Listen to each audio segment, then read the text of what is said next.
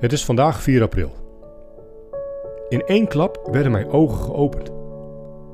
Schrijft Jan Matthijs als hij terugdenkt aan een Spaanse synode. De tekst voor vandaag is Lucas 24, vers 13 tot 21.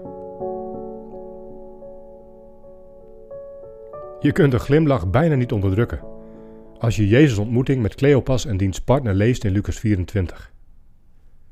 Kijk ze eens vastzitten in hun eigen gedachten. Ze zien de koning van Jeruzalem aan voor een vreemdeling. Ze vertellen hem over de gebeurtenissen in Jeruzalem en over Jezus. Ze dachten dat hij het was die Israël zou verlossen, maar ja. Hoe vaak zit ik niet vast in mijn eigen gedachten?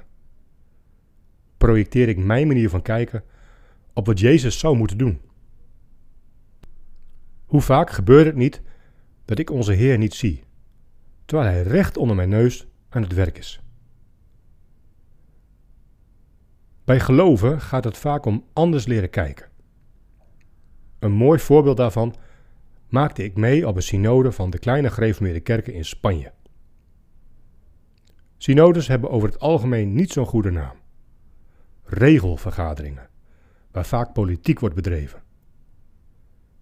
Maar iedereen die wil weten hoe je een synode moet doen, zou ik willen aanraden die in Spanje te bezoeken.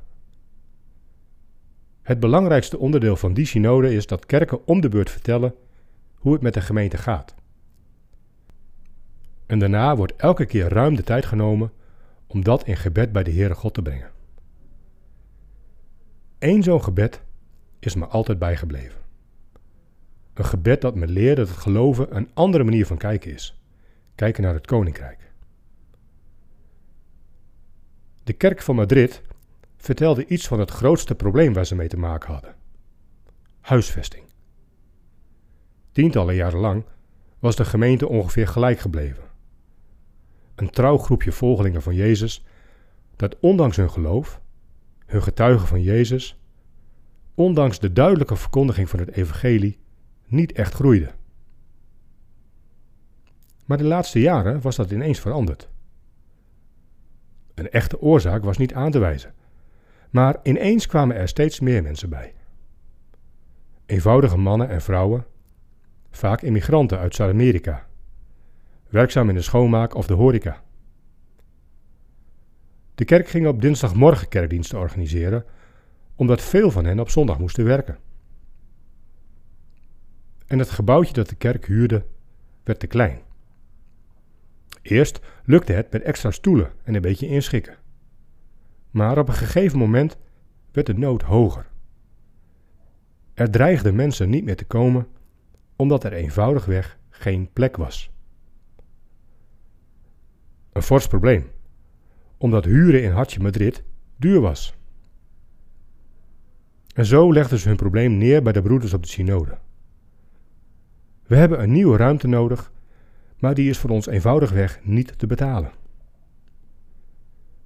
Nooit zal ik het gebed vergeten, dat toen werd uitgesproken door een broeder uit Barcelona. Heer, u bent almachtig. Alleen u kunt onze problemen oplossen. Zo begon hij.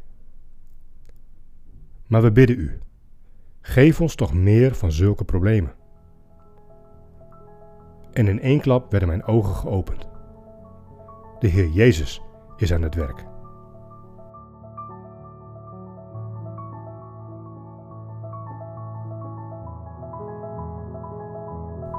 Leuk dat je luistert naar 40 dagen hier en nu.